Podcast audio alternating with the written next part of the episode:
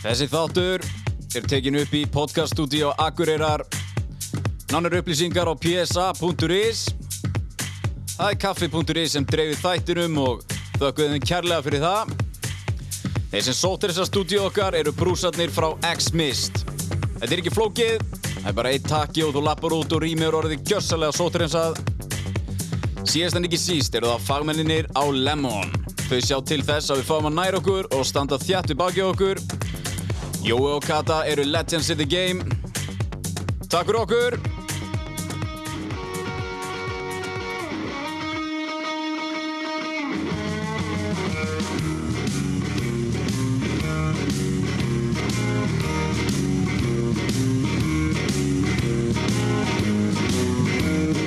Já, þeir að hlusta á Bannað að dæma. Við erum mætt hérna með Ævar og Heitísi Kjötfjörð. Sískinni sem að dyrka kjöt. um, Akkur sá ég þetta dag. ekki fyrir? Hvað segir ég? Akkur sá ég þetta ekki fyrir? Það er Gott góð. intro, gott intro. Já, góð spurning. Uh, þetta er hvað? Er þetta ekki verið okkar fjóruðið þáttur eða eitthvað? Sem við tökum upp, við veitum svo ekkert, ég er, við erum ekkert búin að ákvæða hvernig þetta fer út. Nei, nei, þá bara mögulega er þetta 50 þáttur eða 70 þáttur Já, eitthvað, það skiptir ykkur máli. uh, við erum ekkert að fela. Það fer, fer allt hérna inn. Það er ekkert klift og, og þetta er bara óheflað Heldur betur. Einn óheflaður mættur. já, uh, Ævar Östfjörð, verður velkominn. stóri bróðu þinn. Stóri, sko stóri, stóri já, bróðir. hann er líka sko, hann er stór. Já, hann er stór. já, Hann líka er 18 árum eldri en ég. já, Hann er tveggja barna afi. Já, hefða það er svo leiðis. Og ég er er bara eitthvað hérna, ú, bleikt ár. Já, já, þú ert hérna með blátt hár Ég er hérna með blátt ár í dag. já, herri, já, þetta er, þetta er bróðu þinn Þetta er bróður minn. Hann er búinn að vera svolítið að valda smá usla í samfélaginu. sem er ógeðslega gaman Sem er geggjað, sko. Það er reyndar mjög gaman. Sko. Það er mjög gaman, nema þegar ég þarf að svara fyrir það. Já, mér þykir reyndar leðilegt einmitt þegar þú eða kona mín eða dætur eða einhverju sem koma þessu þannig lagað ekki við eða allavega ekki að þurfa að svara fyrir það. Nei. Förum aðeins yfir þá eftir, þetta er, já, eins og, eins og þú segir, þetta er, þetta er orðið persónlegt eða ekki? Jú, Já, þetta er orðið mjög persónulegt. Já. sem er svo fáránlegt einhvern veginn. Já, en fyrir, hvað segir Já, við komum inn á það. Já, en fyrir ykkur hlustundur sem að vitið ekki hver Ævar Austjörði er, þá hann á dyrkana kjött. uh, hvað hva myndir þú skilgjörna veist, hvað hva lífstíl er þetta? Já, sko, þessi lífstíl hefur fengið stimpilinn Erlendis og kannski hérna líka, þetta er kallað bara carnivore lifestyle eða uh, mataræði sem slíkt. Carnivore, það gengur út á það að útiloka allar plönduafurðir Já, úr mataræðinu og borða bara dýraafurðir. Sumir borða bara kjött, sumir ganga svo langt að borða bara raukt kjött já, og jafnvel enn lengra og borða bara nautakjött, drekka vatn og nota salt út á kjötti. Það er allt og sumt segja sig, ekkert annað. en hvað gerir þú? Ég er þar sem að myndi, já, ég sem sagt neyti einungis dýraafurða, ég borða svolítið af eggjum, það reynda kemur í svona skorpum, stundum borða ég ekkert af eggjum, ég borða langmest af nautakjötti og lambakjötti, Uh, stundum borða ég svolítið af hrossakjötti, ég, ég fæ mér sko kjúkling og svín og eitthvað svona annað slægi, það er mjög lítið og fisk, annað slægi, egg eins og ég segi, kemur í svona einhverju bylgjum, ost bara svona stundum Já, bara eftir fílínu, þetta er ekkert sko en sósur? nei, ég, það kemur fyrir að ég ger eitthvað svona rjóma, piparostasósu eitthvað sko, en þetta fer sko bara misvel í mig það fer best í mig að borða bara naut og lamp Já. og, og nota salt sem krydd ekkert annað.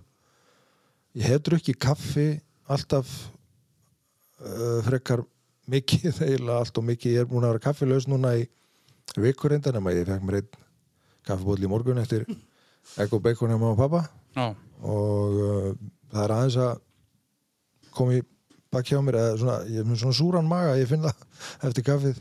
Já, og ég sem sagt margir halda að ég fari út í þetta til að vera töff eða skilur, Já. að vera eitthvað gaur eða ég var með svo lítið sjálfsálit sko, ég þurfti að geta bara kjöt og vera einhver svona Texas búi? já, einhver nagli sko, til þess að finnast ég vera einhver nagli en ég sko fór nú út í þetta akkurat bara í tilrunaskinni með sjálfa mig Ég hef einmitt oft sagt fólki, þú ert búin að prófa endalust af alls konar uh, mataræði Já, og tilraunum á sjálfu þér og þú hefur bara aldrei verið betri. Já það er eiginlega, sko þess vegna festist í þessu, þetta átti að vera 90 dagar bara tilraun kjöt, kjöt og vatn í 90 daga. Þá hætti ég í kaffinu og þetta var eiginlega bara mér bara leið svo vel að ég hérna, eina sem ég tók inn aftur í mataræði var kaffi. Bara vegna þess að mér finnst kaffi gott og mér finnst þetta er svona einhverja gæðastundir, þú veist, eitt botla á mótnan eftir morgumat og eitthvað en yfirleitt þegar ég nú drukki allt og mikið kaffi ég er svona svolítið stjórnlaus og áráttu Þráhyggjubolti. þrá ekki bolti já, það er sennilega rétt orðið í flestu sem ég geri sko, ég verð svona mjög hugfangin og heldtekkin af flestu sem að mér líkar Já. Máttugur, má ég byrja á því? Hverju? Skrifa bara hérna ævar og þráhyggja. Já, hún held, held einhverja smá ræðu í fymtu sammælinu mínu um það, hún fór nú í alltaf aðra átt að ég átti vona á sem sagt. Eðilegur ammalið? Almáttugur, ég var drukkin þá. Ég man ekki alveg eftir því. Nei, það er nú ekki fyrsta skipt sem mást ekki eftir ykkur. En þráhyggjur sem þú hefur tekið fyrir á æfinu sem ég man eftir eða sko ekki endilega þráhyggjur en það sem þú ferð í, þú ferð 110% í allt Já, fyrsta sem ég man eftir og ég talaði við tinnudöku gær til þess að rifið þetta upp það var giftur sem satt mömmunar í mörg ár og við ólumst alltaf upp saman Já. uh, hann safnaði derhúum það voru allir skápur fullir af derhúum eins og hann myndi einhvern sem að ná að vera með allar þessar derhúur Það ertu hortir eða? Uh, hugmyndin já, kannski hugmyndin eh, með derhúðna var samt önnur en að vera með þar bara, ég sá fyrir Já, mér eitthvað svona sapna einhverju sjálfgefum húum Bara flott þess að samna plötum eða? Já, bara setja svona litlar hillur upp á veggu og svo náttúrulega bara flutti þetta með mér í 25 ára, hendi þeim fyrir er hendur þið? Það- Já, það er örglega ekki, ég hugsi að við hendum uh, þegar ég flutti inn í að kirkjuveginum í eigum, sko, það var 2015, sko, það var ég búin að vera með þær bara í svörti ruslaboka Já. í 25 ár. Ég man bara eftir þeim að sko Ég hýrti eina húu, eða tvær, Elvis Presley, ríkilega flotta og eina frá greifanum hérna sem svona stálplötu framan á sem var Já, með bara... mjög 90s. Já, það er cool. En sko, þráhyggja... Uh, uh. Sýsti inn er að, já, hún er að segja að þú sért um, fáir þráhyggjur. Gæti, er þetta karnivor mataræði, gæti þetta bara, er þetta enn einn þráhyggjun og heldur hún muni hætta eða verður heldur þetta verða alltaf svona? Ég á ekki vonaði að hún muni sko hætta nei, ég á ekki vonaði því en, en spurning sko hversu strikt þetta verður alltaf, ég er búin að vera núna uh, langlegin í fjögur ár rúmlega þrjú og hálft. Mm og, en, en sko eftir svona eitt, eitt og hálft ár þá slaka ég veist, aðeins á, á dökunum. Þannig að sko bara eins og núna er ég hérna fyrir norðan og ég er að fara að borða hjá mömmu í kvöld veist, ég er ekki með neitt þú veist, vesen fyrir mömmu skilur við Já, já, já. Þannig að þú, þú, þú færðir þá ég alveg... er bara borða það sem er í mati ég kannski borða heldur meira kjöti heldur en Einmitt. flestir myndu gera ráð fyrir að væri borðað kjöti í svona Já. kannski matabóði sko en uh, fæ mér svona aðeins bara með og þú veist, gerir það á jólunum og eitthvað svona Já. gerir það samt ekki sko fyrstu já, fyrstu fyrstu jólin allavega fyrstu tvenn jólin, svo, svo er ég líka sko þetta snýr líka því hvernig mér leið eftir þetta og þetta snýr líka svolítið að sko varandi þráhyggjuna og kannski þá er ég fíkill sko Já, þú... og ég er óvirkar alki og ég er alveg klárlega matafíkill Já. og þegar ég fæ, fer út að spú ég fæ mér þetta nammi eða ís eða eitthvað það svona kemur fyrir og Á missur þig. ég sko tengdasónu minn til dæmis hann sko honum verður illt Hvað, hvað þú ert að borða ég mikið? borða mikið það segir nú eitthvað. þegar ég byrja sko Já. Ég man líka eins og eftir því þegar þú varst bara við vorum að fara að horfa á Eurovision og þú sagðir við erum að fara að detti það þetta var eitthvað svona bara það var bara nót til Já. og þú ætlaðir að leifa þér og þú bara ég veit ég finn til á morgun ég Já. veit ég verð þunnur. Býtu, býtu, erum við að tala um áf... Já, við erum að tala um Nei, áfengi. um nei, bara Bara nammi. nammi. Ég verður Nammi verri nammið þunnur heldur en áfengi, Já. sko. já, já, ég, og sérstaklega núna eftir ég fór í þetta karni og mataræði raut kjött, vatn og salt og kannski kaffi. Þetta er náttúrulega bara eins hreint og það verður. Og svo tekur þið kannski inn ef að segja einn og halvan, tvo lítra af bragðaref einmitt. með einhverju í því að kannski hálft kíló einhverju selgeti sko. Já, og það jafnvel stoppar ekki þar nema bara ef að það er ekkert meira til skilur þá stoppar það þar. Nei og ég sko borða þanga til mér verður illt þegar ég missi mig svona og svo býði ég hálftíma og held borða aftur þanga til mér verður illt. Tengi, Já, ég skil núna okkur, þú ert hægt að drekka þetta þetta er bara rosa svipa dæmi sko. Já, Já, þetta er alveg fællegt en þetta kemur ekki fyrir oft núna bara þú veist, örsjaldan af því að ég bara reyna að hafa vits fyrir mér. En hins vegar ef ég fæ mér ef ég er í matabóðingstar og borða bara það sem er í matin skilur lambalæri kartöflur, raukál, grænar og eitthvað svona fæ mér eitthvað, þá sko það triggerar sem sagt í mér fíknina sko, þó að sé ekki sikur já, þú veist bara þessi leiðu ég tekin einhver, einhver kolvetni. Ég er allavega komið þanga og það, ég er ekki að reyna að halda þið fram að kolvetni sé eitthvað eitur fyrir alla en þau eru það fyrir mig. Já. Sko, ef ég, ég veit ekki alveg hvort ég geti líkt þessu Sko, ég uh, get verið ör drengur uh, að henda mér best að vera inn í einhverju svona ágætis ramma til þess að mér líði vel. Já, leiðu þú ferð út fyrir hennar ramma þinn í, í, í mataraði þá ertu bara, þá ertu farin aldrei vel út fyrir bóksi segast bara. Já, En er það ekki samt, sko. allir sem eru á einhverju sem heitir eitthvað mataræði, þeir fara út á spórinu eða ákveða að slaka á þennan daginn eða um jólin eða eitthvað. já, En mér finnst alltaf með þig, borðar hann bara kjöt, það er eins og bara að þú meir ekki setja neitt annað inn fyrir þetta- án þess að vera bara ekki karnum. já þetta snýst akkurat ekki um það. Ég er oft spurður sko hvað má borða? Þú veist, ég svaraði því lengi vel sko ég, þú veist, þú er að spyrja mömmu þín að því já, hvað, já, já. hvað mátt borða.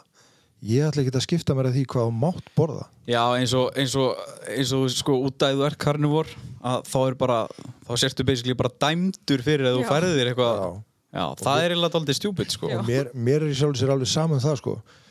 Menn hérna geta alveg sagt við mig að ég sé nú ekki karnivó sko að því ég fái mig nú sko bregðar tvisar ári eða þú veist eftir þetta á jólunum eða eitthvað svona. Og mér er alveg saman það sko. Ég þarf ekki að vera stimplaður inn í eitthvað félagskap Nei, en eigum við líka eitthvað að vera að boxa okkur þú veist hvað við erum við ekki bara gera og þessu viljum þú ert alls ekki að þurfa að skilgreina sjálfan þig eitthvað eftir mataræði Nei, sko. einmitt. hins vegar er þetta orðið þannig samfélagi í dag að það er svo mikið í gangi og, og það er einhvern veginn allir að reyna sko það er allir að reyna að bæta helsu sína eða minnst að kosti það sem ég ætla að segja, segja núna sko þeir sem er að reyna að bæta helsu sína þeir reyna að fylgja mjög ofta einhverju mataræði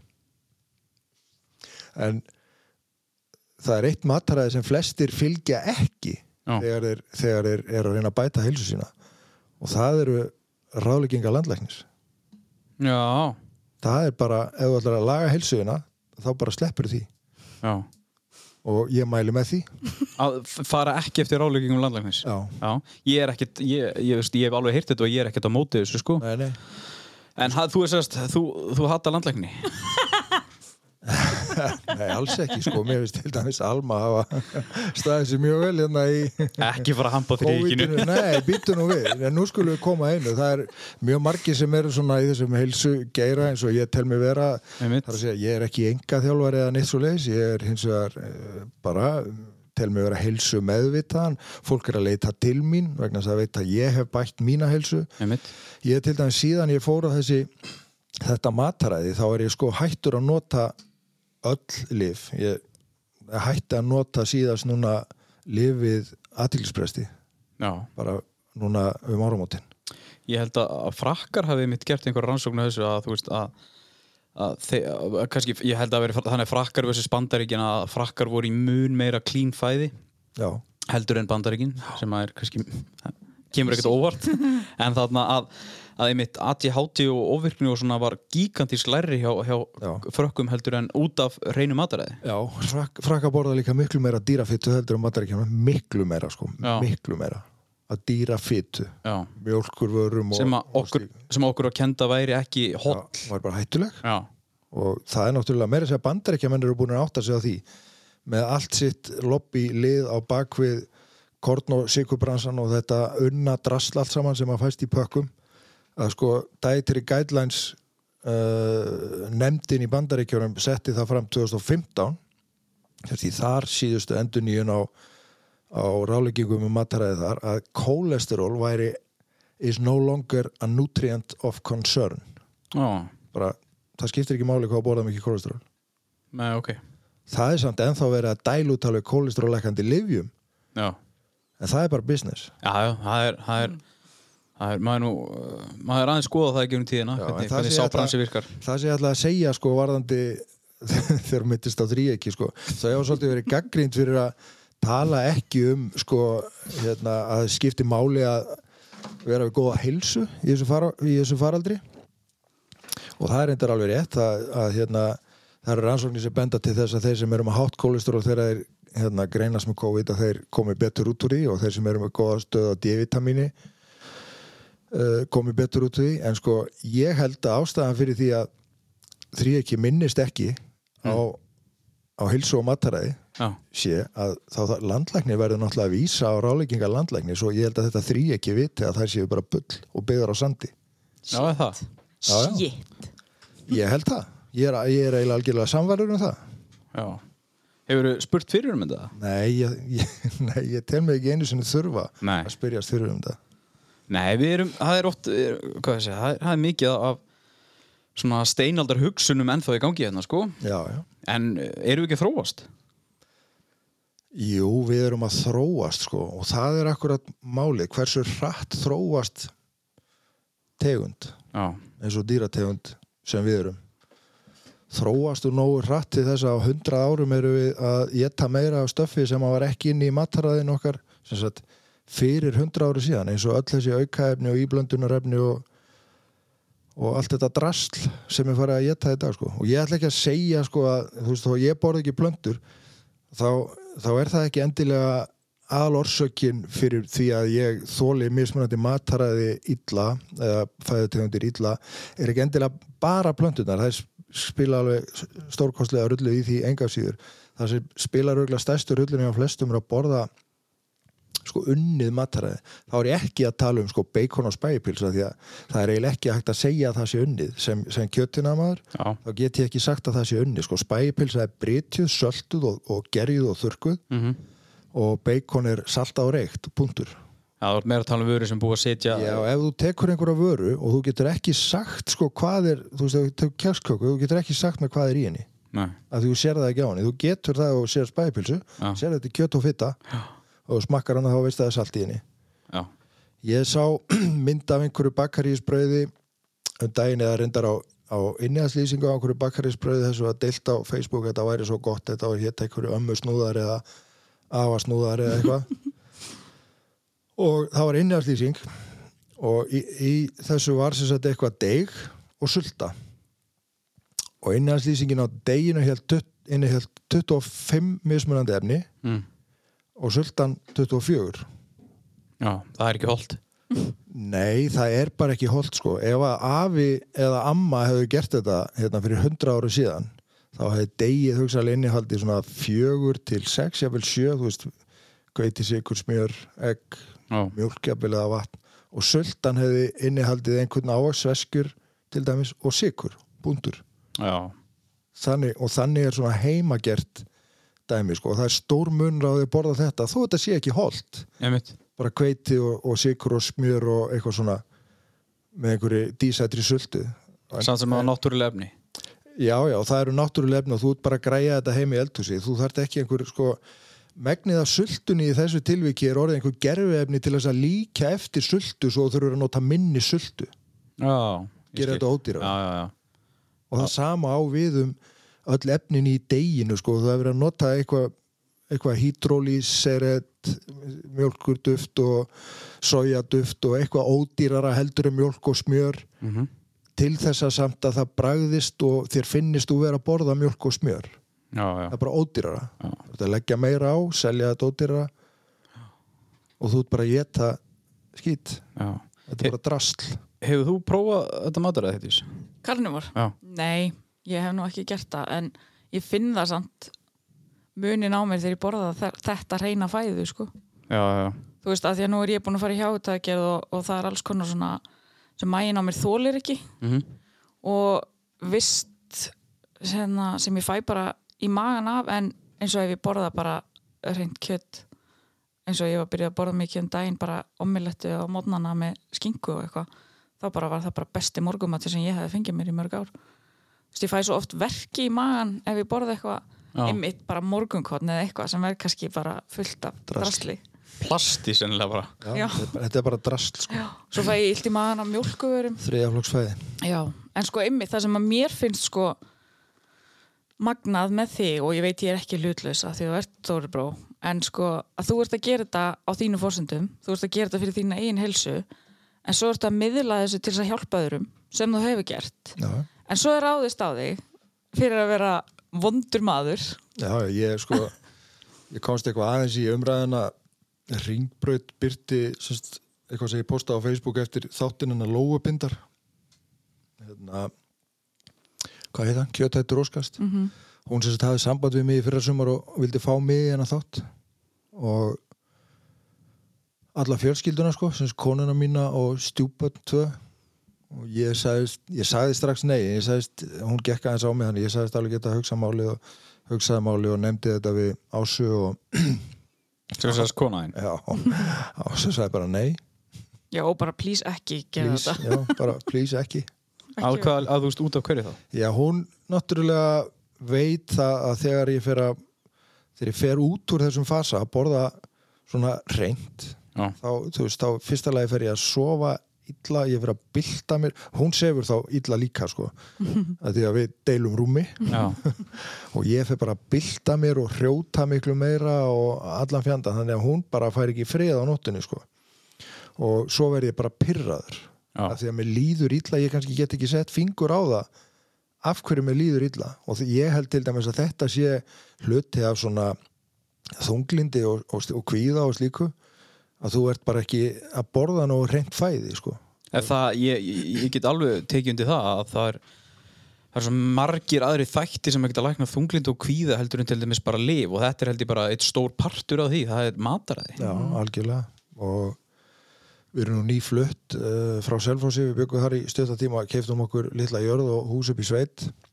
Og hérna stjúpdótti mín sem að býr hjá okkur ég, sko, hún hafði átt við að díla við smá kvíða eða smá, já, tölverðan kvíða bara og áttu oft erfitt með að fara í skólan og allavega og, og hérna ég var ofta að benda þeim á að þetta taka á mataræðinu og hún að borða eitthvað á morgunkötn og þegar hún kom heim úr skólan var hún ofta að fá sér líka kannski eða einhverja keifta ömmu snúða eða eitthvað skiluru, ostaslaufur eitthvað svona tilbúið með fullt af aukaefnum og ég vildi hún færa þú veist, við myndum hafa eitthvað sem henni finnist gott gera niður ost og, og rúlla upp með skingu og eiga egg og eitthvað svona leifina og það var oft tekin smá svona átak og, og okkur fannst það alltaf lagast eitthvað en svo fór það einhvern veginn út af spórinu bara aftur eins og gerir, gengur og gerist.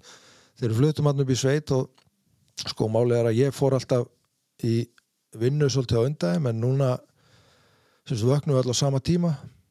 Og ég bara hérna fer yfirleitt aðeins út með hundana tvo hunda sem að, og röldi nér á þjóðveg og tilbaka. Þetta er bara smá svona morgunganga hjá mér og íhugun. Tekur svona 15-20 mínútur. Svo kem ég bara inn og ræsi þær og ég fer upp í eldhús og hendi egg og kannski tvær beikonsneðar og eitthvað smá pilsu eða eitthvað svona smá kjötmeti með. Og það er mægur borðan og aðalega bara eggin.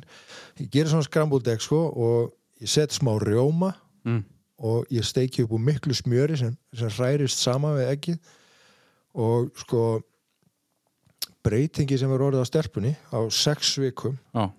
þetta er bara, þetta er bara annað bann þá bara eh, kvíðin og Já, Já. Hún, hún er hún var rosa mikið bara inn í herbeggi hjá sér og, og tala við sína vini eins og kannski týðkast í dag bara Já. gegnum síman og svona en núna þarna í sveitinni hún er alltaf að fara út, hún tekur upp hjá sjálfur sér að fara í göngutúr bara með hundana á nóttinni, setur bara eða kvöldin segir seint, setur bara höfuljós á sig og lappar bara út í myrkrið og svo kemur hún eftir smástund aftur og fer að sofa og hún fer að nágrann okkar er þarna með kúabú og hún fer stundum að væra móka flórin eða þú veist, vera með og hún er, það er ekkert mál að ræsa hann á mótnana, hún bara fer í skólan og hún hefur ekki sem sagt reynd að koma sér undan því að fara í skólan núna í einhverjar þrjár, fjóra vikur sko eins og, eins og var oft. Og ég var svo útskið þetta fyrir henni við morgunverðarborði bara núna í vikunni.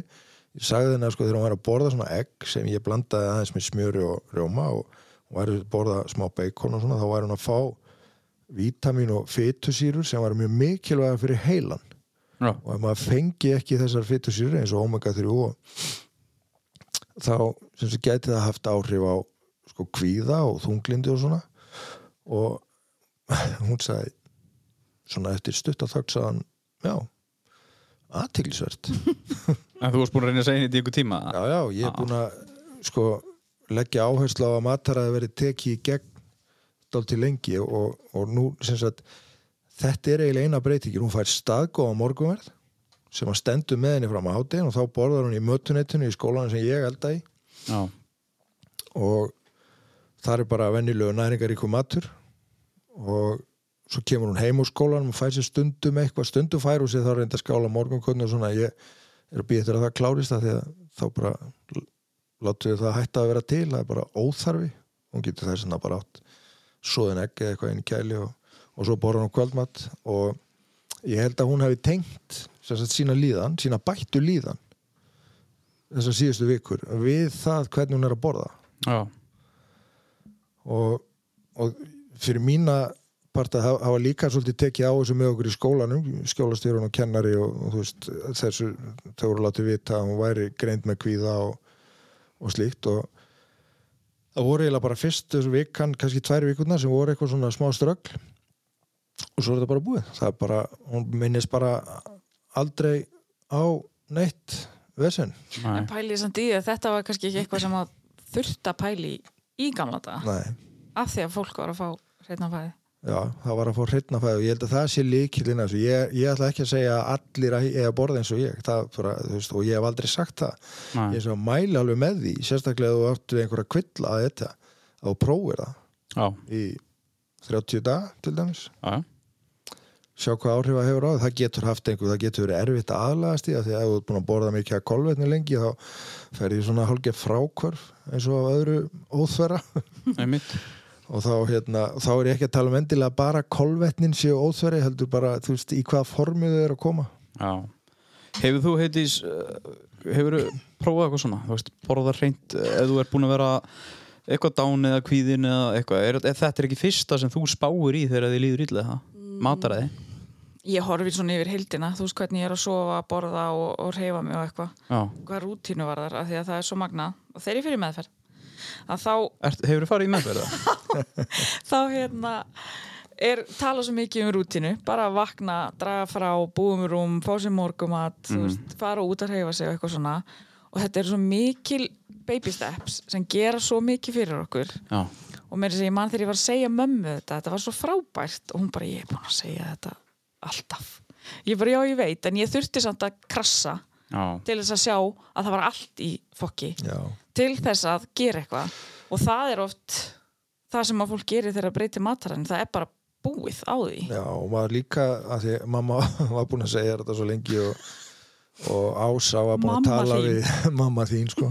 Var búin að tala við dóttur sína alltaf annarslægið og sko þú heyrir ekkit endilega það sem mamma þín segir eins Nei. og það sem einhver fræðingur segir. og bara utanakomandi og að fá að bara upplifa það á einn skinni eiginlega óvart. Já. eða svona, þú veist, þú þarft að gera þetta. Já, nákvæmlega. Ég ætla ekki að innan ekki liða mömmu. Ég fullorinn já, Það er, eiginlega bara döð í nánast ættingum sko. Já, er En ég hef aldrei tekið mataræði svona rosalega. Jú, náttúrulega þegar ég fyrir hjátækinu þá verði ég að gera það. Já, og þá læri ég upp á nýtt að borða af því að það er svo margt sem að maður fær svona hálfgerst óþól fyrir og að þú kunnir ekki að borða fyrir Nei, ég hjátaðekinn kunni ekki að borða og Það er ástæðan fyrir að fúst í hjátaðekinn kunni ég ekki að þannig þetta er er lost case hjá okkur sískinunum. Það er nú að rætast úr ykkur. Já, þetta, ég er nú komin á 60 aldur sko, þannig að Já, þetta er bara að koma þetta, hérna, já, þetta með að kunna ekki að borða, þú átt ennþá tölvert í landi. Já, veit það. Ég er alltaf að setja inn myndir á Instagram af einhverjum gyrnilegum grautum hjá ót og þá kemur bara frá honum Já, sem er alveg rétt ég veit það, en djúvel er það gott Já, Það já, grautur það er alltaf að hafa þetta með fyrir þá sem það vilja, sko. en uh, sko Þetta er samt þriðaflokksnæring. uh, hatar þú sýstiðina fyrir að vera vegan?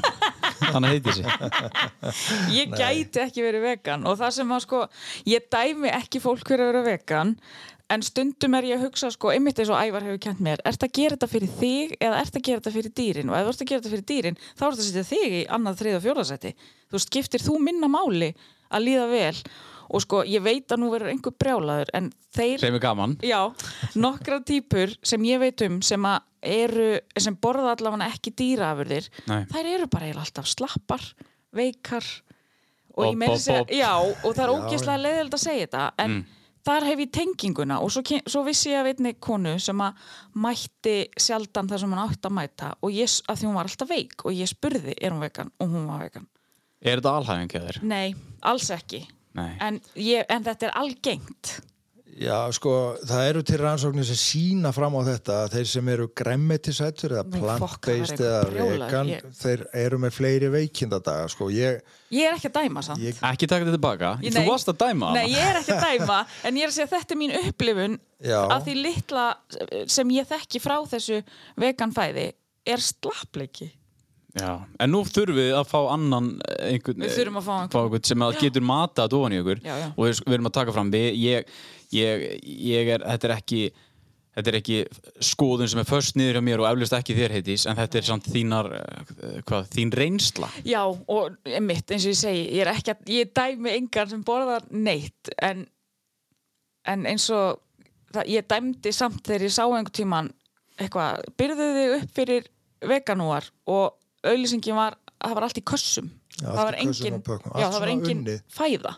Já, það já, var allt saman duft og, og eitthvað. Já, meina það. Og það er sko, nú ætlum ég ekki að kenna sem sagt vegan, þegar fólki sem er vegan, hva, að hvaða ástæðu sem er, ég er ekki að skrifa það á þau að þetta sé svona, það er að sjálfsögðu sko matvælaðinaðurinn sem að er sko, kemur þarna inn í sko, Já. fyrir, fyrir 40-50 árið síðan kom matvælaðinaðurinn að ráði yfirvalda og rálaði öllum að borða ekki dýrafittu eða bara ekki fyttu og það hétt allt saman low fat, alveg sama hvað það var.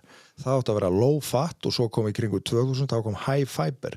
Sko low fat og high fiber. Já, já, F- fita eða feitt kjöt er að næringarítkasta sem þú getur fengið og þú ættir að sleppa því. Trefjar sem skaffa okkur nánast enga næringu. Það eina sem við getur við sem menn getum gert við það nánast það eina sem við fáum út fyrir en við skýtum þeim einmitt. Það er það eina og þeir eru einmitt að vera svo góðir í það að íta út draslinu. Já, en sko draslið sem þeir eru að íta út og það sem við skilum á okkur er það sem meldist ekki já, já, og við getum ekki nýtt.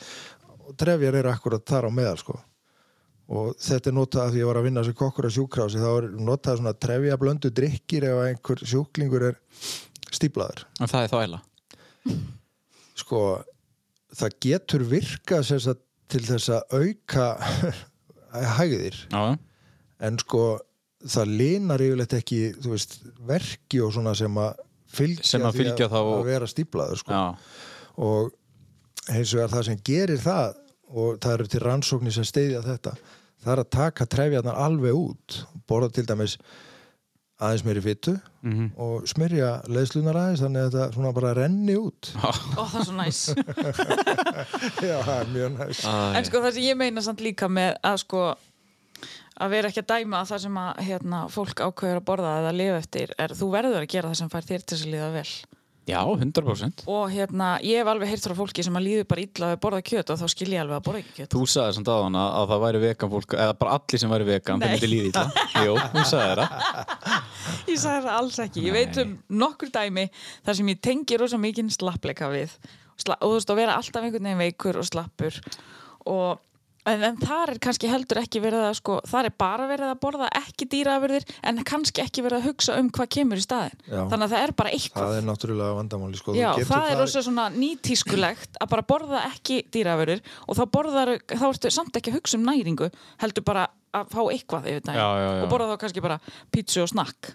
Já, já, já, ég þekki alveg þessa típu, Já. ég veit alveg hvað átt við Já, Og það sem ég var að tala um sem sagt með low fat Já. sem er búið að vera í 30 og eitthvað ári, 40, jafnvel hátt í 50 ár og svo kemur inn high fiber sko og núna er sem sagt low fat stefnan, hún er gjaldtróta sko. Þú veist, það vita allir, Já, að vita allir orðið nema bara hérna, þeir hjá landlækni að þetta er bull.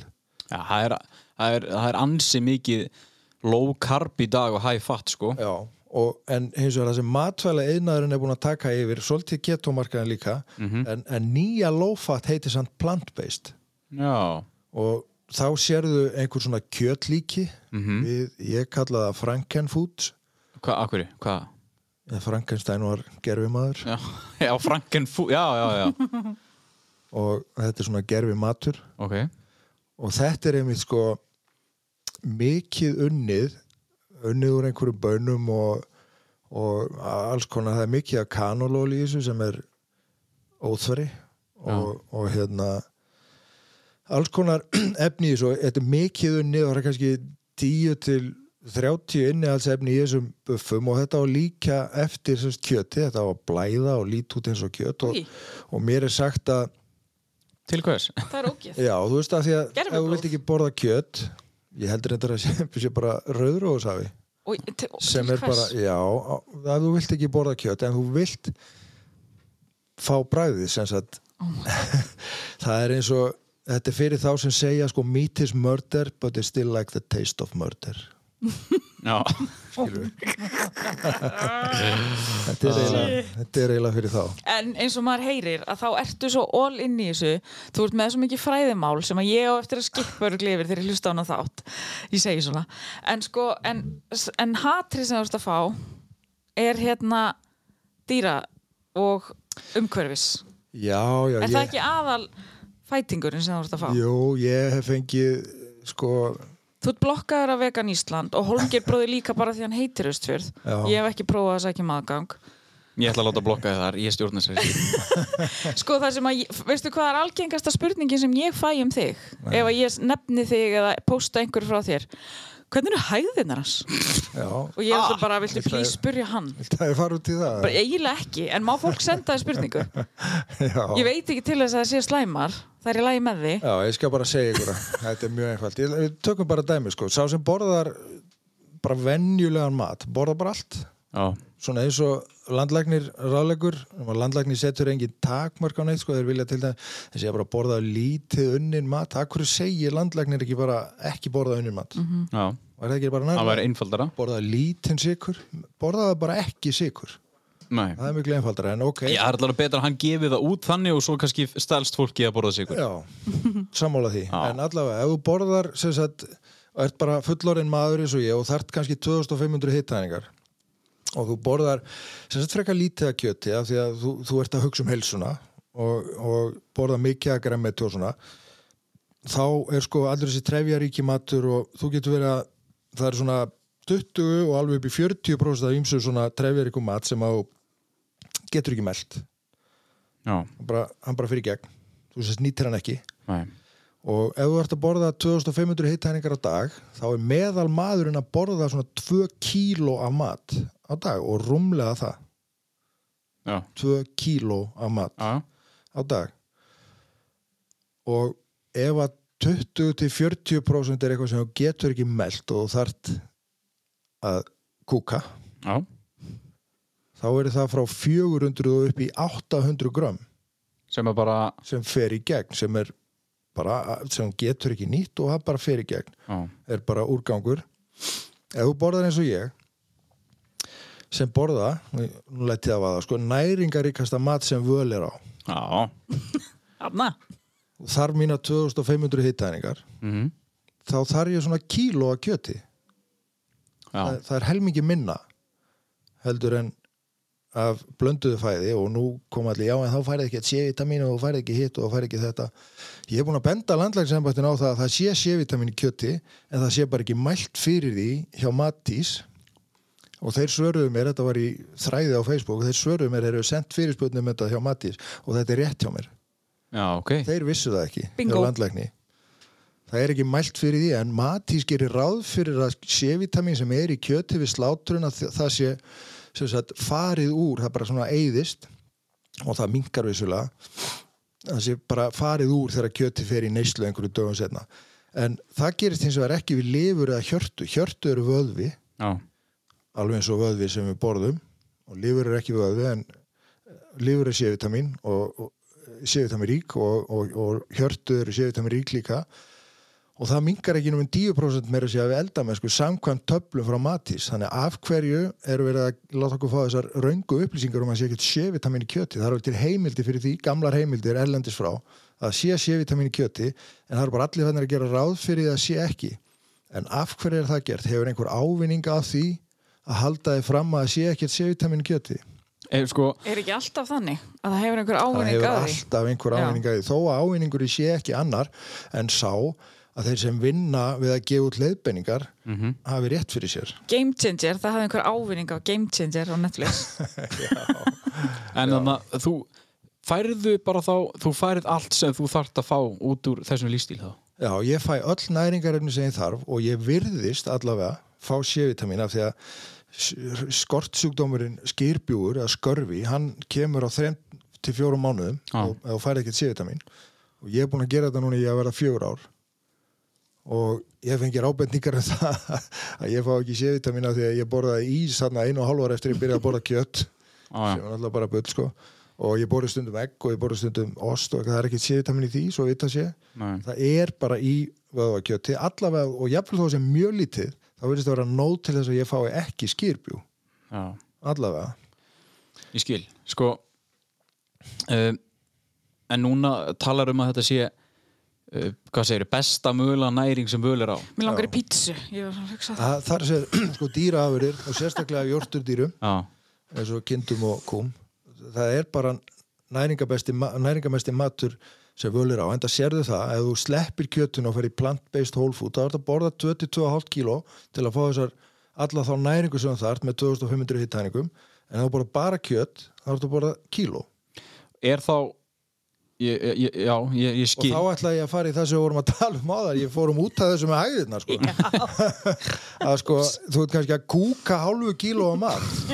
Já, hálfu kíló af einhverju drasli sem hefur ekkert með að gera. Ok, einhverju munu segja að það sé gott fyrir þarmaflórun og eitthvað. Þarmaflóran þarf pottið að vera önnur ef þú ert að borða trefjarikamat ef þú ert ekki að borða trefjarikamat. Hún bara breytist eftir því. Já, en ef ég borða kíló er 95% af kjötinu ég meldi og nýti já. í 90 til 97-8% þannig að svona 94-5% af kjötinu meldi ég og nota og ég skila bara að mér þá 50 gramum já ekki hálfu kílói Já. og hver er núna umhverfisvætt? Já, en þú fær þessa spurningu heitis Já, ég fæna mjög oft sko. Já. Einmitt þetta með trefjar og hægðir, það er algengast. Og ég sendi náttúrulega bara alla á þig. Eða sko ég tek screenshot senda á þig. Þú segir mig hverja á að svara. Og þá fæ ég aðra spurningu screenshot á þig. Og ég bara nennur núna bara að tala við hann af því að ég nenn ekki að svara. Af því að ég hef ekkert þessa vitnesku og sko ævar er hann algjört nörd. Og ef ég þarf að leita til hans um eitthvað svona þá ger ég það híklust af því að hann er búin að kynna sér þetta allt. Læknar leita til hans til þess að fara yfir einhver fræði af því Já, að hann það er veit svo ógeðslega mikið og hérna, en samt vill fólk eflust ekki taka markar af því að þú ert ekki læknir eða eitthvað svona Já, já. Já. Já. En, ég er eh, líka með samt nokkra spurningar Og sko, það er líka, vill ekki taka Insta. marka á mér að því ég er svo hlutarar því ég er kjötina Já, þú ert kjötina maður ég spyrja einu fyrst? Já, að þú sáðir á þann að við fórum yfir í að hva, þetta væri besta mögulega næring en eh, sagðir ekki einhver staðar að, að, að veganismi væri þriðjaflokks næring Jó, Já. ég sagði það í þessu Það er ein spurningin, ekki svara með raskatinu Já, ok, förum bara yfir Já, það hvernig getur þú afskrifa næringu sem þriðjaflokks? Ekki tala með raskatinu en máli er að þú talar aldrei með raskatinu nema þeir eru leðilegur Já, þá þurfum við að fara út í hlut sem að heitir uh, á einsku bioavailability. Það er sem sagt, ég, ég kann ekki íslenska orðið fyrir þetta, en þetta snýst um bioavailability er í rauninni aðgengi okkar líkama að næringunni sem við innbyrðum og bioavailability af dýraafurðum er sko 80% og upp úr. Þess að hvað við nýtum hvað við nýtum mikið af næringunni próteinu, vítaminum og öllu þessu. Svona almennt. Það er reyndar hægt að finna, það eru einhver næringarefni sem við nýtum miklu minna. Að tala um játn sem að sem játn í dýraafurinn nýtur svona 20-25% af því en játn í plöntuafurum eru að nýta kannski 1-2% þannig að þetta svarar til dæmis þeirri spurningu. En sem sagt bioavailability úr plöntum sem sagt besta plantan sem er soja, sérstaklega gerjað? Þar er bioavailability einhvers staðar 75 en það er það besta sko. Mhm. en, en lélegustu sagt til dæmis nautakjöt, kjúklingur, svínakjöt og allt þetta það er í kringum 80% þannig að þess vegna segi ég sko, var ekki í spurningunni var þetta ekki orðað einhvern veginn öðruvísi? Var ekki orðað eh, annars, nei, þriðaflokks Já, hvernig getur þú flokkað þetta sem annars, nei, og annarsflokksnæringu? Nei, ég meina þriðaflokks. Já, ok. Af því að það stendur í... þá, um, þá ætla ég að fara í það sko að sem sagt, egg og rautkjött af jórturdýrum er fyrstaflokks við nýtum það best. Ljóskjött er annarsflokks Segir hver, veist, bara, það bæjó að veila bild, Já, já. vísindin segja það. Já, ok. Það er bara mjög einfalt. Ég trúi þið, sko. og, og sagt, ljóst kjött og suma mjölkuvörur og svona hafa lægra bæjó availability þess að aðgengi líkamannæringunni og plöntur eru svo þar fyrir neðan sem þriðaflokks þetta er bara það er vísu sko mín, þetta er bara mín flokkun. Við getum alveg haft bara alla dýra að verið fyrstaflokks Já, plöntu að verið annarflokks en ég aðskilja þetta svona og ég finn til dæmis á sjálfum með mjög mikinn mun hvort ég borða raukt kjött bara eða ljóst kjött bara. Og ég, mér dugir kíló af nautakjötti á dag. Ég þarf aðeins meira á lambakjötti kannski 1200 11-1200 gram já, bara til að vera eins góður. Og ég er samt einhvern veginn aldrei alveg eins góður. Og ég þarf ennþá meira af svíni og, og kjúkling og ennþá meira af fiski sagt, og þá hef ég aðlega verið að borða bara hvítan fisk eins og þosk og steinbít og eitthvað svona þegar ég hef verið að prófa þetta og þá borða ég samt alltaf tölvöld að smjöri með til að fá Ég elska smjör. já, hver elskar ekki smjör Ég elskast mér. þannig að þetta svarar því að plöntuafurðir eru bara veist, verri næring það er bara mjög einfalt mál Mér finnst það bara eitthvað, mér finnst ekki þurfa að rífast um það, en Nei. það er kannski bara, og sko, í raunin er svo að vel samansett fæði hvernig sem það er það getur ég ætla að segja sennilega núna, bara til að vera rugga ekki bátnum of mikið, það getur Jú, jú. sennilega aldrei, aldrei orðið betra án dýraafur að heldur en með þeim En ég meina, það er slepp með þessu sennilega þurru já, gera það. Ég er þarna, ég, til. nú er ég bara að sjá, sko, það sem hefur kannski valdið mér mestum áhyggjum og nú er ég samt ekki á sama stað og þú, ég er vissur, ég deili alls konar upplýsingu frá þér sem að mér finnst svona bæði common sense og svo líka magnað að sjá þegar einhver snýr úr því að vera vegan. Og oft lítur þetta fólk út fyrir að vera eldra en það er og hérna og bara svona máttlausara og grára og eitthvað svo fer það að borða dýraverur og þá bara eins og eitthvað gerist það er svo lifni yfir þeim. Mér finnst það svolítið magnað þannig að mér finnst svolítið magnað að deila því. En ég er ekki mikið að svara þessum spurningum. Nei, og þannig eins og ég segi, ég sendi á þig og, en ég veit að ég er búin að fá unfollow út af mér út af þessu öllu Uh, Klára? eins og Instagram, já ég er bara ætla að- segja þetta, þú veist, ég er ekki nörd á bakvið þetta, en svona en mér finnst þetta samt magnað og mér finnst líka magnað frétt sem ég sá um að börn eru að því að ef að þau eru gerð vegan eða verða vegan með heimilishaldinu að þá eru hvað, tennurnar þeirra Já. verða ekki Já, þetta er bara svo vandasamt sko. Það, sko, það er alveg til rannsóknir sem stiðja það að þú getur verið á jafn góðri næringu eða sko sagt, AND eru nær, samtök næringafræðinga í bandaríkjunum og þetta eru stærstu slík samtök í heimi og það krænkjarar vi, hérna, vitna oft í yfirlýsingur á þeim sem að kemur svona reglulega. Þeirra staða gagvart vegan mataræði er svo að vegan mataræði geti veitt nógu góða næringu sko, ég veit, þú veist, adequate Já, nutrition semst well planned, well balanced vegetarian or, or vegan diet can provide adequate nutrition já. for people in all life stages en þetta með tennurnar, að það, Já. af því að já, fyrir Ídu, en sko fyrir fólk á öllum æfiskeiðum hvernig vita er það? Hefur verið gerð rannsókn frá fæðingu til dauða? Nei, og verður aldrei gert Nei. bara verður aldrei gert og þegar að ég sé svona þá fer ég og, og skoða og les og ok, þeir segja þarna vitna í að þeir séu með eitthvað rannsóknir og svo eru rannsóknir og fræðigreina sem fylgja og í þessu tilviki frá þessum samtökum þá eru einhverja 100 eða 110 og ég nefndi nú ekki að lesa þær allar en ég fór inn í 30 af þeim. Og í mörgum af þessu rannsóknum má vera að bera saman aldrei neitt svona langtíma þó að þeir kalla langtíma 1-2 ár en, en ég sá ekkert meir en 1-2 ár og þar voru sem sagt, besta útkoman var að græmitsfæði gæti verið jafngott og fæði með dýraðurum besta útkoman, Já. en í mörgum tilvikum þá var það samt ekki eins gott. En tennurnar, já, og það er bara að þú færð ekki nógu mikið af efnum. Þú veist ekki að tyggja. Og, og hérna já, þetta er ennþá varasamara fyrir börn sem eru kannski ekki með nógu þróskaða meldingaveg eða eitthvað slíkt. Og við erum líka aðeins misjöfn. Þetta fer augljóslega betur í aðra. Ég meina rannsóknir sína að uh, innan við 15% þeirra sem verða vegan halda út í 5 ár. Býtu, 15% sem halda út í, sem sagt 85 pró- eða 85 eða 6% eða fjögur, þetta er engstar þarna 85% segir það bara Já, þeirra sem verða vegan eru hættir áður en fimm ára liðin. Já, ok. Þannig að fyrir hvert sem er vegan þá eru sennilega fjórir að fimm sem eru fyrfirandi Já, og það hlýtur að mikið. já, það er mjög mikið.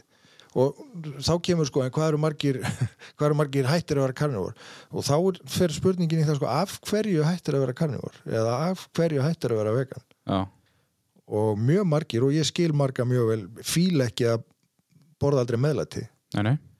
Og margir eru bara keto og það er mjög einfalt fæði mikið að kjöt og fiski og svona og, og eitthvað salat og ég var búin að vera þannig í mörg ára ári ég byrjaði á þessu. Já, en það bara sko þegar þessi 90 daga tilraun tók enda ég, ég reynda bara eftir svo 10-20 daga ég bara trúði því ekki hvað áhrif það hafði á mig að Nei. taka út þetta litla græmmiti sem ég var að borða.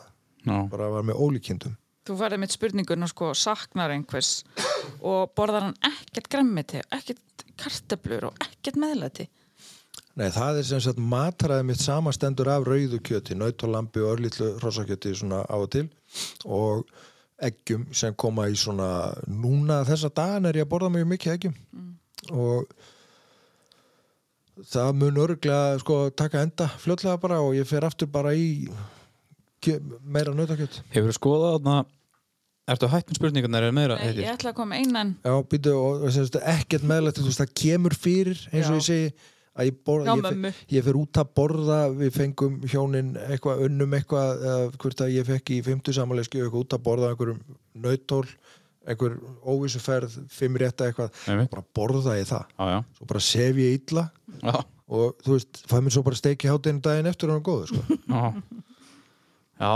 Hvað þarna Já, það var ein spurning og ég freyndar fæði þessa er dýrt að vera kjöt þetta en ég segi alltaf það getur ekki verið eitthvað dýrar en eitthvað annað því að þú hættir öllu hinnu Já, ég borða það fyrir svona 50-60 þúsund á mánuði, bara ég.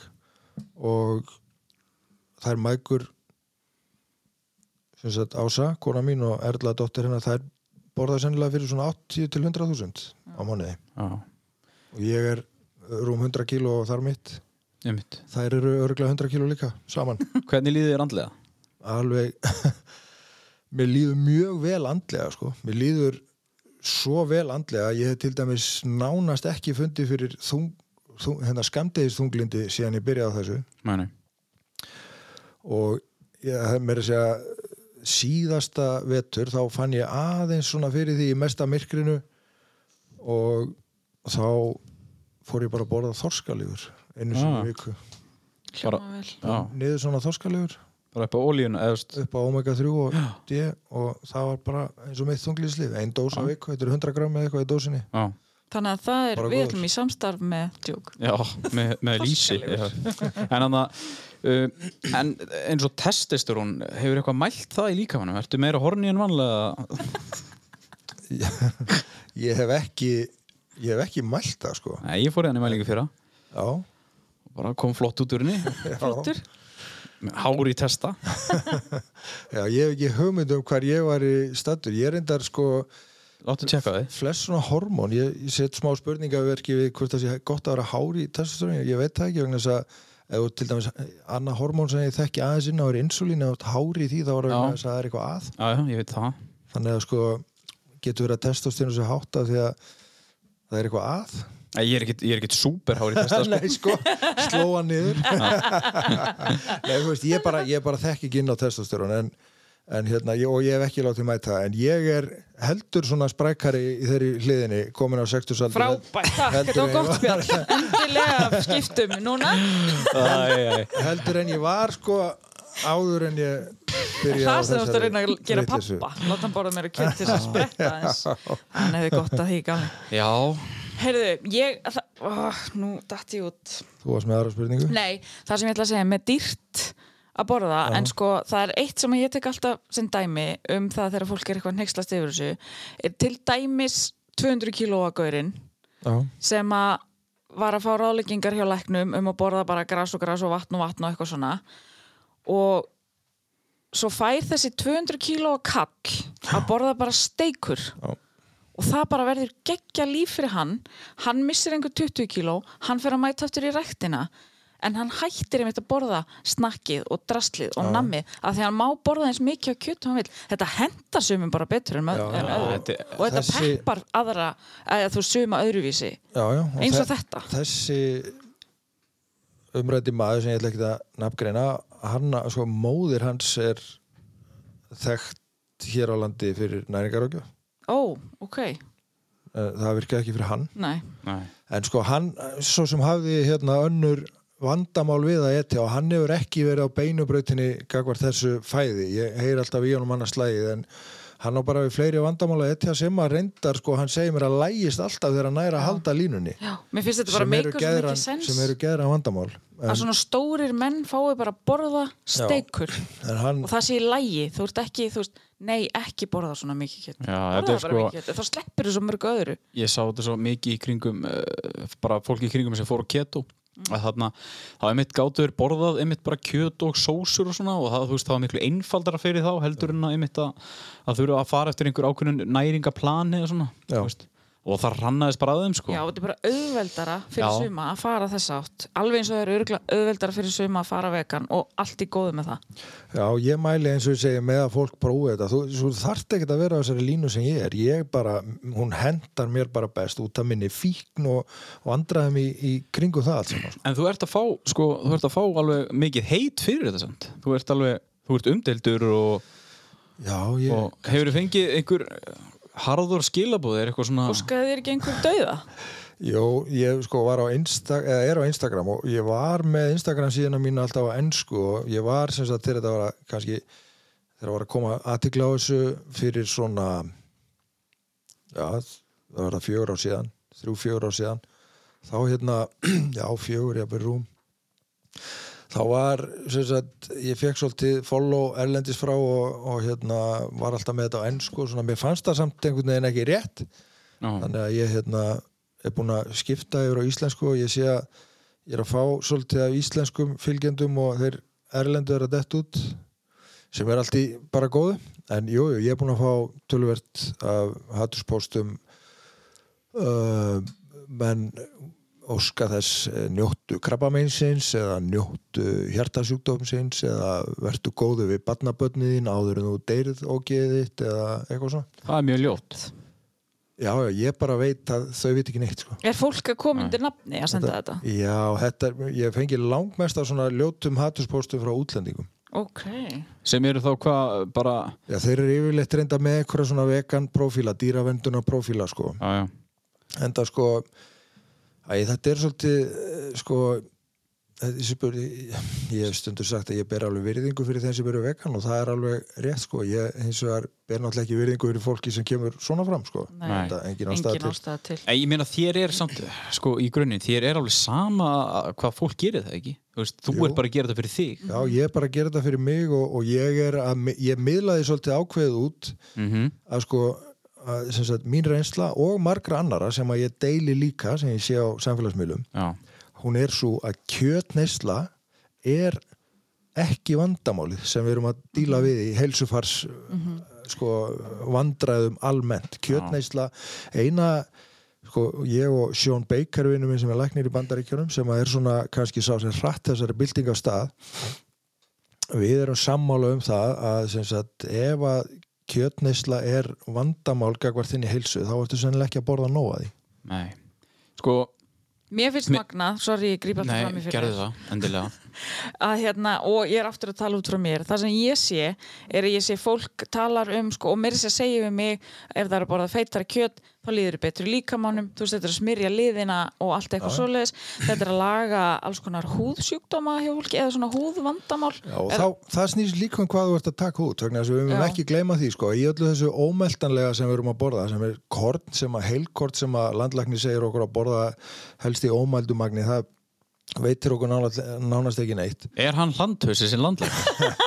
Nei að, að, að, þetta er embætti landlæknis. Við skulum, við skulum hérna- nokkrir landhausar Já, og það sem að er skemmtilegt fyrir okkur heitis er að svo sem fer fyrir þessu ráleggingum er af lögabrekkunni á húsæk Nei, þannig að hérna afi okkur og amma byggu og bara því sem næst í næsta húsi. Oh my god. En, en það er önnur saga. Það er önnur saga. og ég hef ekki persónulegt að sjálfsögða á móti þeirri ágættu manneski og hef oft talað við hana um sendin e-mail og svona ábendingar. Já, Ég hef átt samskipti semst við landlægsembættið í gegnum Facebook síðu þeirra sem heitir bara ráleggingar um mataræði sem að snýra þessu og, og hérna ég er að benda, eh, við ætlum spurningar að hver eru þessar rannsóknir notaðar sem eru notaðar, þetta eru svona kallaða faraldsfræðilega rannsóknir heita á ennsku annarkvort observational sem þýðir eiginlega að að bara, sé bara könnun og, og epi,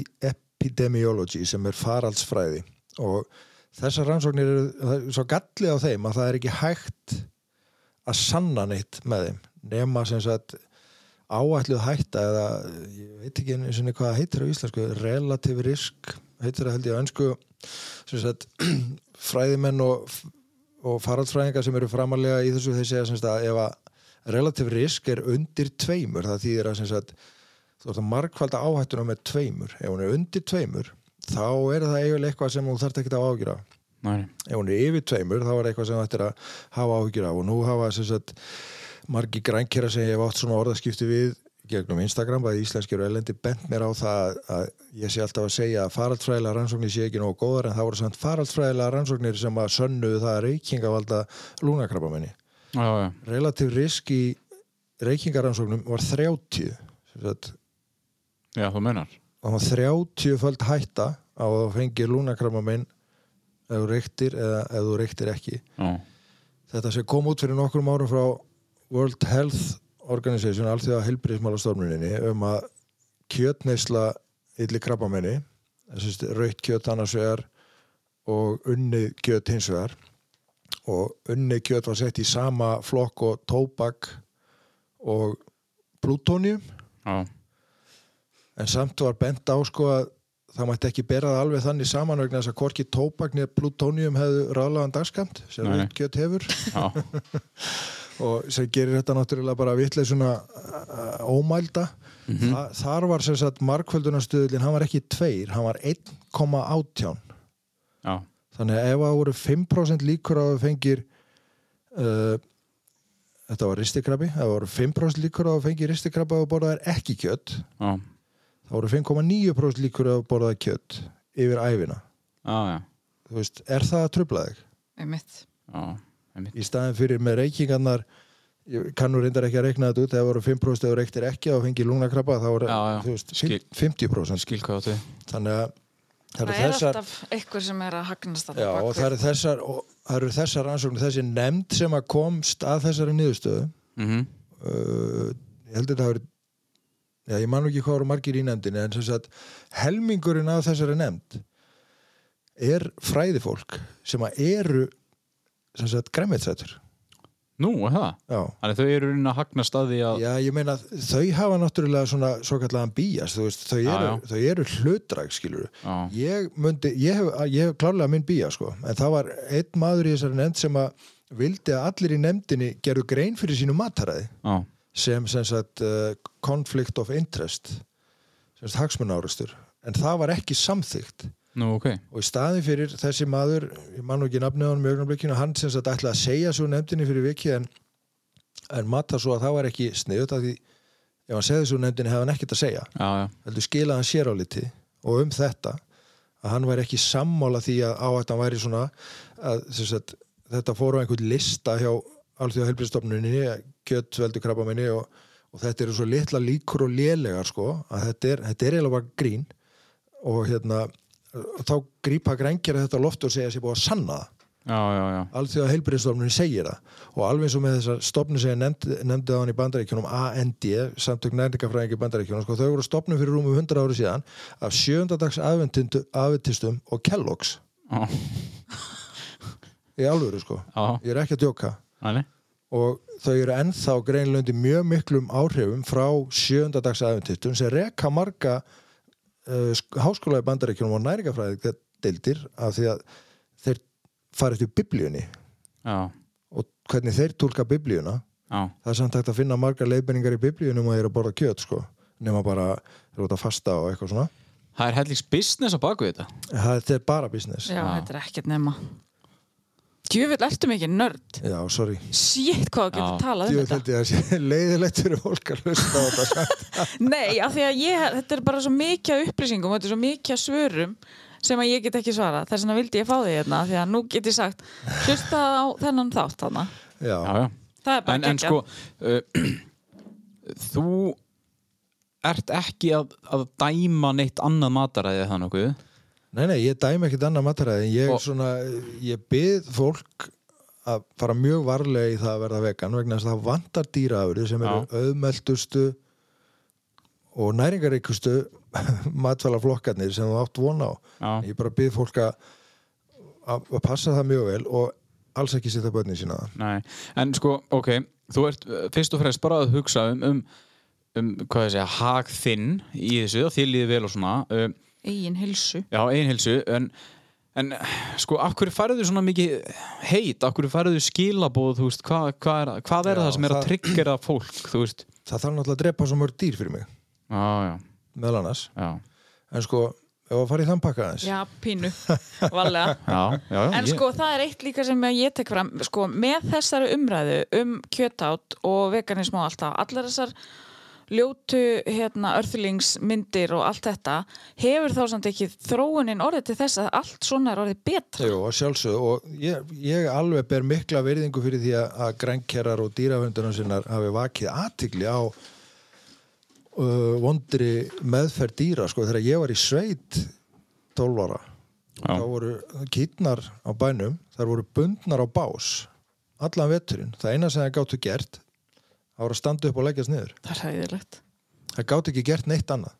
Nei, og maður pældi ekki í, því, þetta var bara svona. Svo fóru þær út á vorin og sletta klaufunum að kalla sko, það, sjá þær sko þegar þær fóru út á vorin, það var náttúrulega bara frelsinu losna svo þurftu þessi ræflar að láta mjólka sig aftur bara um kvöldið, þannig að þær komu inn svo þær eru mjólkaðar þannig, og þá voru þær bara bundar aftur. Já, og þetta er náttúrulega ömulegt en núna eru fjós orðin flest held ég ef ekki öll orðin lausagöngu fjós þannig að þær hafa að lámarki eitthvað ákveði rými hver skeppna já, og það eru legusvæði sem eru með mjúkum dýnum og, og sumstaðar eru hálmur til að liggja og ímislegt og þær hafa aðgang, þetta er allt orðið tölvustýr þær hafa aðgang að fóðri. Það bara, sko, þær eru með einhver skinjara um hálsin og þeir að koma að þá bara lesa hana að þessi belja hún þarf að fá svona mikið.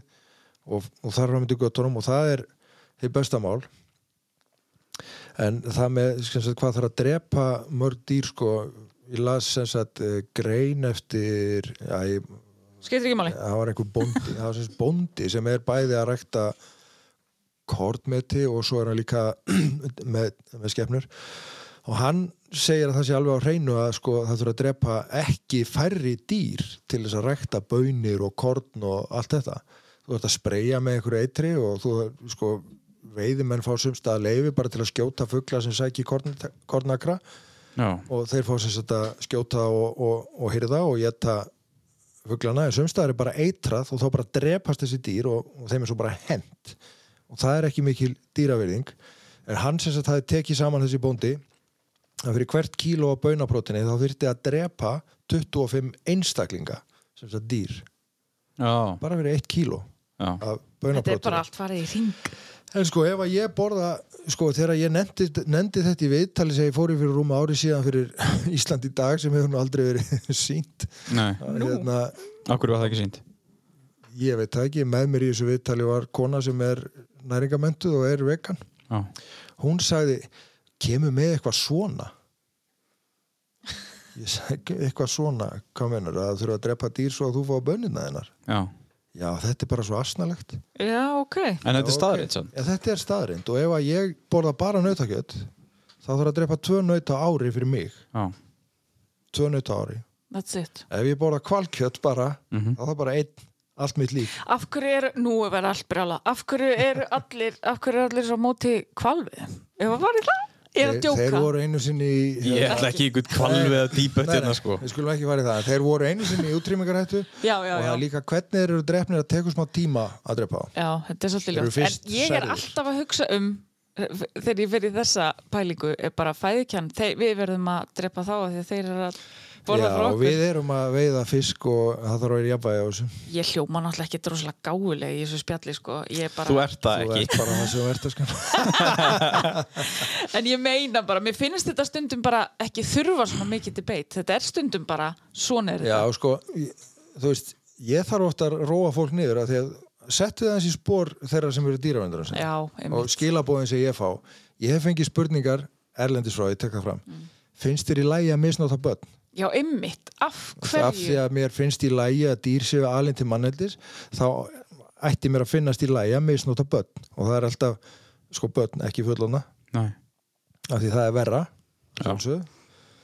finnst þér í lægi að drepa og borða börn og það er sérst verið að líka þessu saman og þetta er sem sagt, þe- þeir sem er farað það svona langt þeir eru sem sagt með á móti svo kallari tegundahyggju en það er allstað tegundahyggja sko, ljónin drepa ekki ljónin nema bara í algjöru hallari þau drepa eitthvað annað þannig að þú veist, nei, mér finnst ekki lægi að drepa börn eða misnátt börn svo það sé bara komið fram Einmitt. Ég held Svo að- þú þurfi bara að taka það Það fram. þarf alveg útskýra það held ég.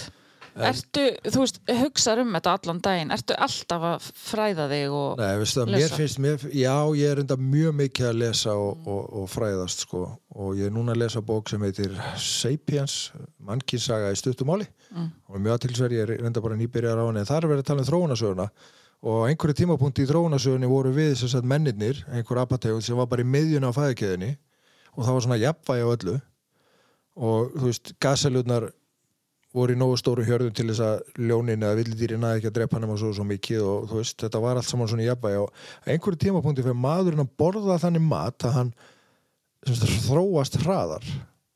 Og það sem hann fór að borða var náttúrulega kjött en það sem er talið að hafi jafnvel gert útstæði var að hann fór að elda kjött Já. hann fekk meiri næringu.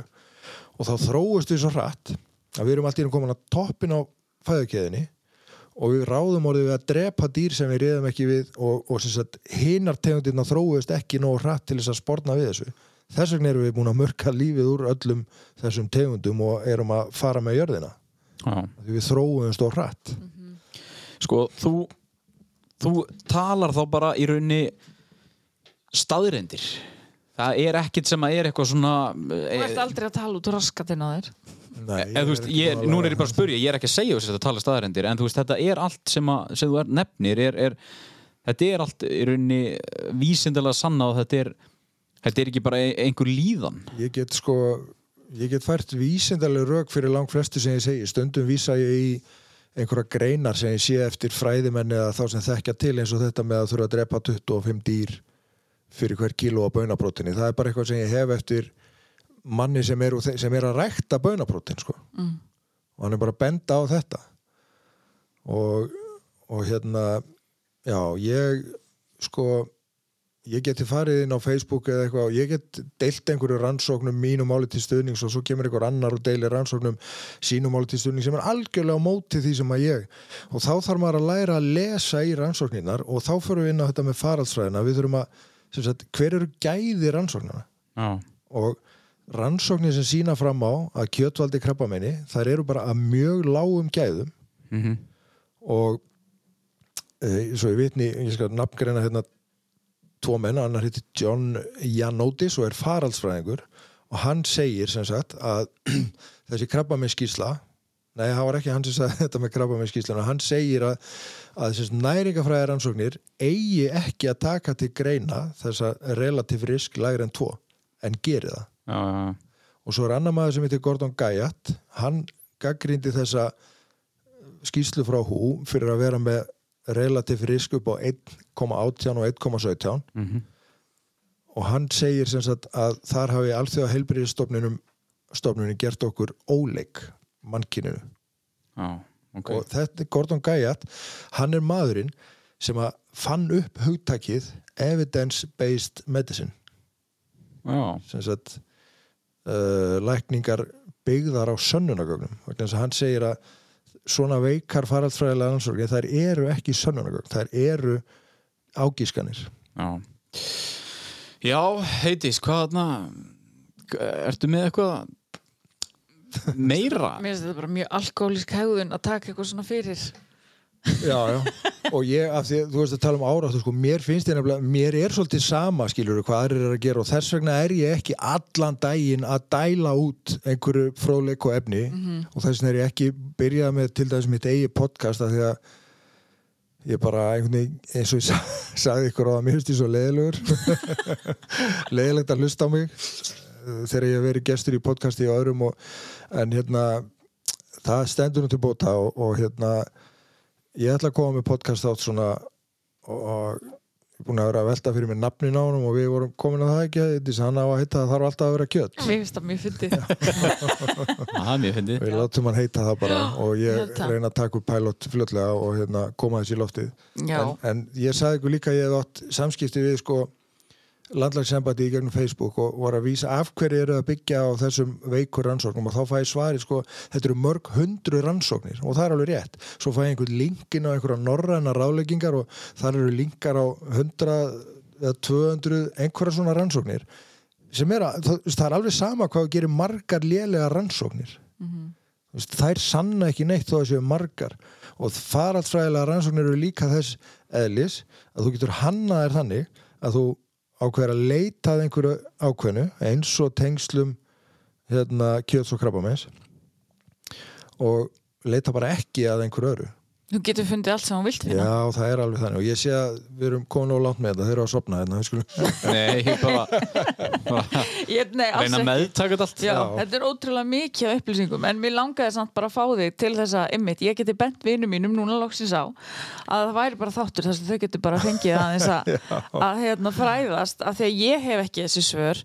En mér finnst líka gott að þú hafir all, allan ennan bakgrunn sem þú ert að vitna í, þú ert ekki að tala með raskatunni þegar, þegar ég fekk þessa sendingu nei, spurningu senda að eitthvað ekki, ég vil ekki svar út úr raskatöður, ég var bara, hann, svarar ekki þannig, þetta er alltaf læg Já, gott þú treysti mér. Já, ég tristi þér. En hérna ég var að grína samt með alkoholíska hegðun. Bara að það er svo típist samt fyrir alkoholista að fá eitthvað á heilan eitthvað að þráhyggja aðra. Þess að tók ég það fyrir henni í byrjun. Þar sem ég skrifaði niður með þráhyggjur er líka Leeds og Utah Jazz, Þóri í körfunni og Völsungur. Já, já, það er allt saman, hann á Er ekki? hann á Leeds jakkaföld Leeds En þú ert tórsari? sólgliru, já Ég var í stjórn hérna til Þórs Já. í mörg nokkur ár? Háðu maður orðin því? Seldur? Já. Ég er þarna en svona, uh, sko, ég bóra kjött og, og þarna, Duglegur? já, en, en sko, var eitthvað svona, maður hefur eitthvað svona frá þessum, hvað ég segja, maður hefur, ég, þú veist, ég gæti alveg minkað, sko, en, en svo, svo að spurning hvað þú er búin að vera tróðin í hausinu á mig núna Já, á síðasta klukktíma og kannski fer maður að hugsa sig eitthvað. Já, ég fer alltaf að hugsa um meiri ef mér vantar ef ég er að pæla í næringu þá er ég að hugsa hvernig ég get komið kjöti fyrir meira í, í mat eða sérst í daginn hjá mér sko. Ég ætla hana, ég borða til að láta mér líða vel og, og, og andlegi þátturinn minn sé góður. Já. og ég held ég sem er svona með hvað ég sé, Við skal koma inn á eitt þáttirna sem að ég veit að grænkerar er að býða eftir já. ef þeir eru að hlusta að þeir Þeir vilja, eru löngu hættir að hlusta. Þeir, þeir vilja þessi tala um umhverfisáhrifin. Já, á kjöti. Nú á það að vera bara það versta í heimi já, að borða kjöt út af mengun sem að sko, það eru sem sagt konar rannsóknir, þær, þær hafa ekki verið gerðar á þessu skala sem er verið að gera núna, en sagt, það eru vísbendingar um það að, að sem sagt, það sé hægt að framleiða kjöt bara svona náttúrulegan hátt, bara svona eins og gerist í náttúrunni á umhverfisvænan hátt, þannig að í rauninni þá bindi kjötframleiðsla meira kólefni heldur en hún losar. Og þá eru þetta nautakjöt sem á að vera verst já, í þessu öllu.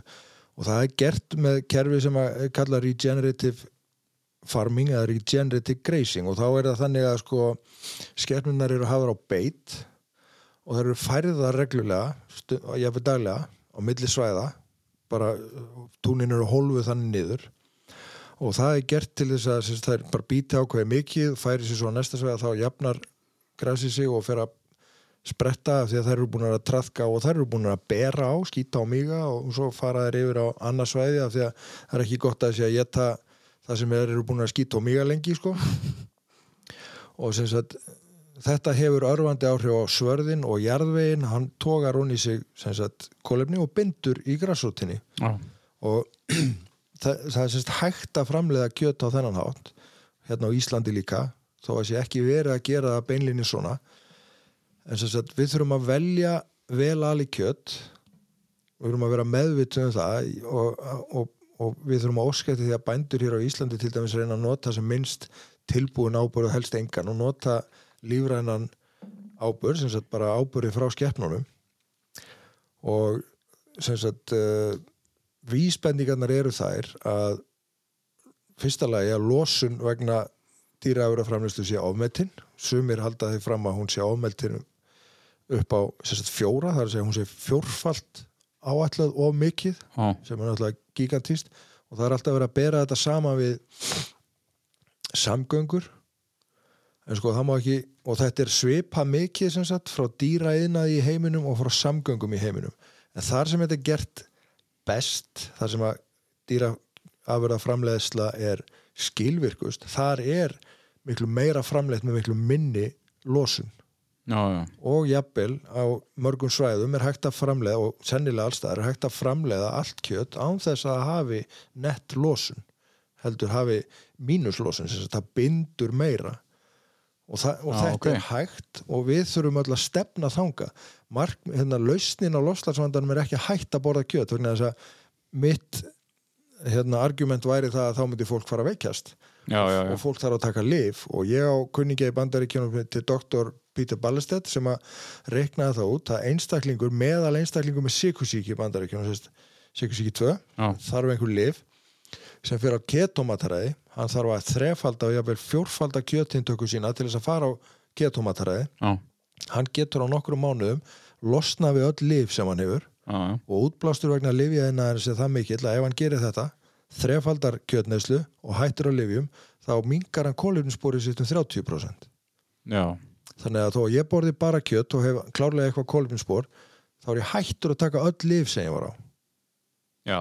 Þannig að þetta er dálítið komið já, sko, Svona í- ég er kannski bara búin að kólefnisjafna mig fyrir utan að ég keiri á ramaspíl Já, já Já, ok, já, þetta er ansi, ansi áhugavert og, og, og ég held við getum, spjall, við getum verið hann Já. örgulega í svona sjö tíma í viðbútt Mhm. Já, það er þetta að fara í svo það er mörg málefni. það er bara, hann, hann er non-stop þessi sko. Já, og þarna við, þurfum bara, við, sko, við þyrftum að, að fá hann aftur. Mhm. Við þurftum að hafa einhvern veganista Já. fyrir framann okkur með okkur. Þá fyrir ég örgulega skæla ef það verður vondi við hann. Það má, hann er að standa fyrir þessu. Já, Nei, hann má ekki vera vondur. Nei, En það má, það má deila um málefnin og, og sennilega komist við örugglega aldrei að niðurstöðu.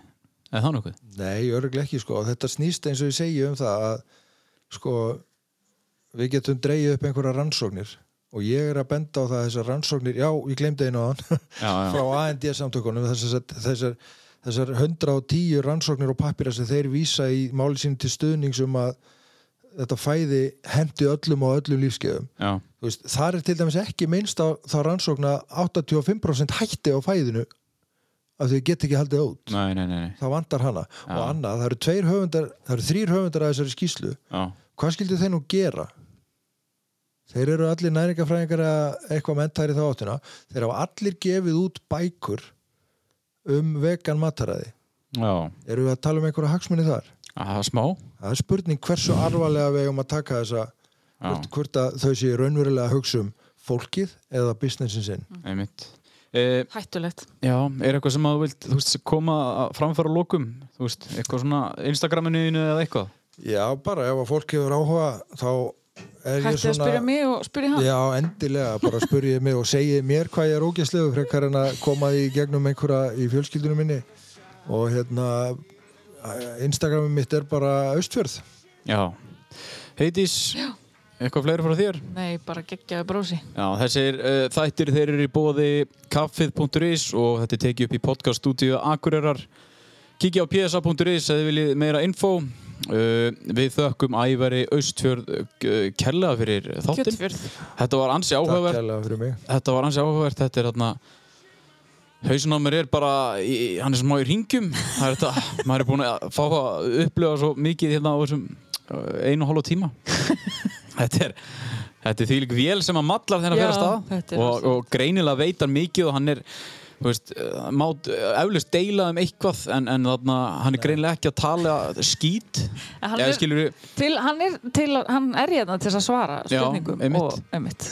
uh, og það var fínt að fá, fá að vita þú veist, vita meira um, um málefni Já. þannig að þú veist, það er helling sem að ég læriði nýtt Mhm. og eflust þú Já, líka alltaf Já.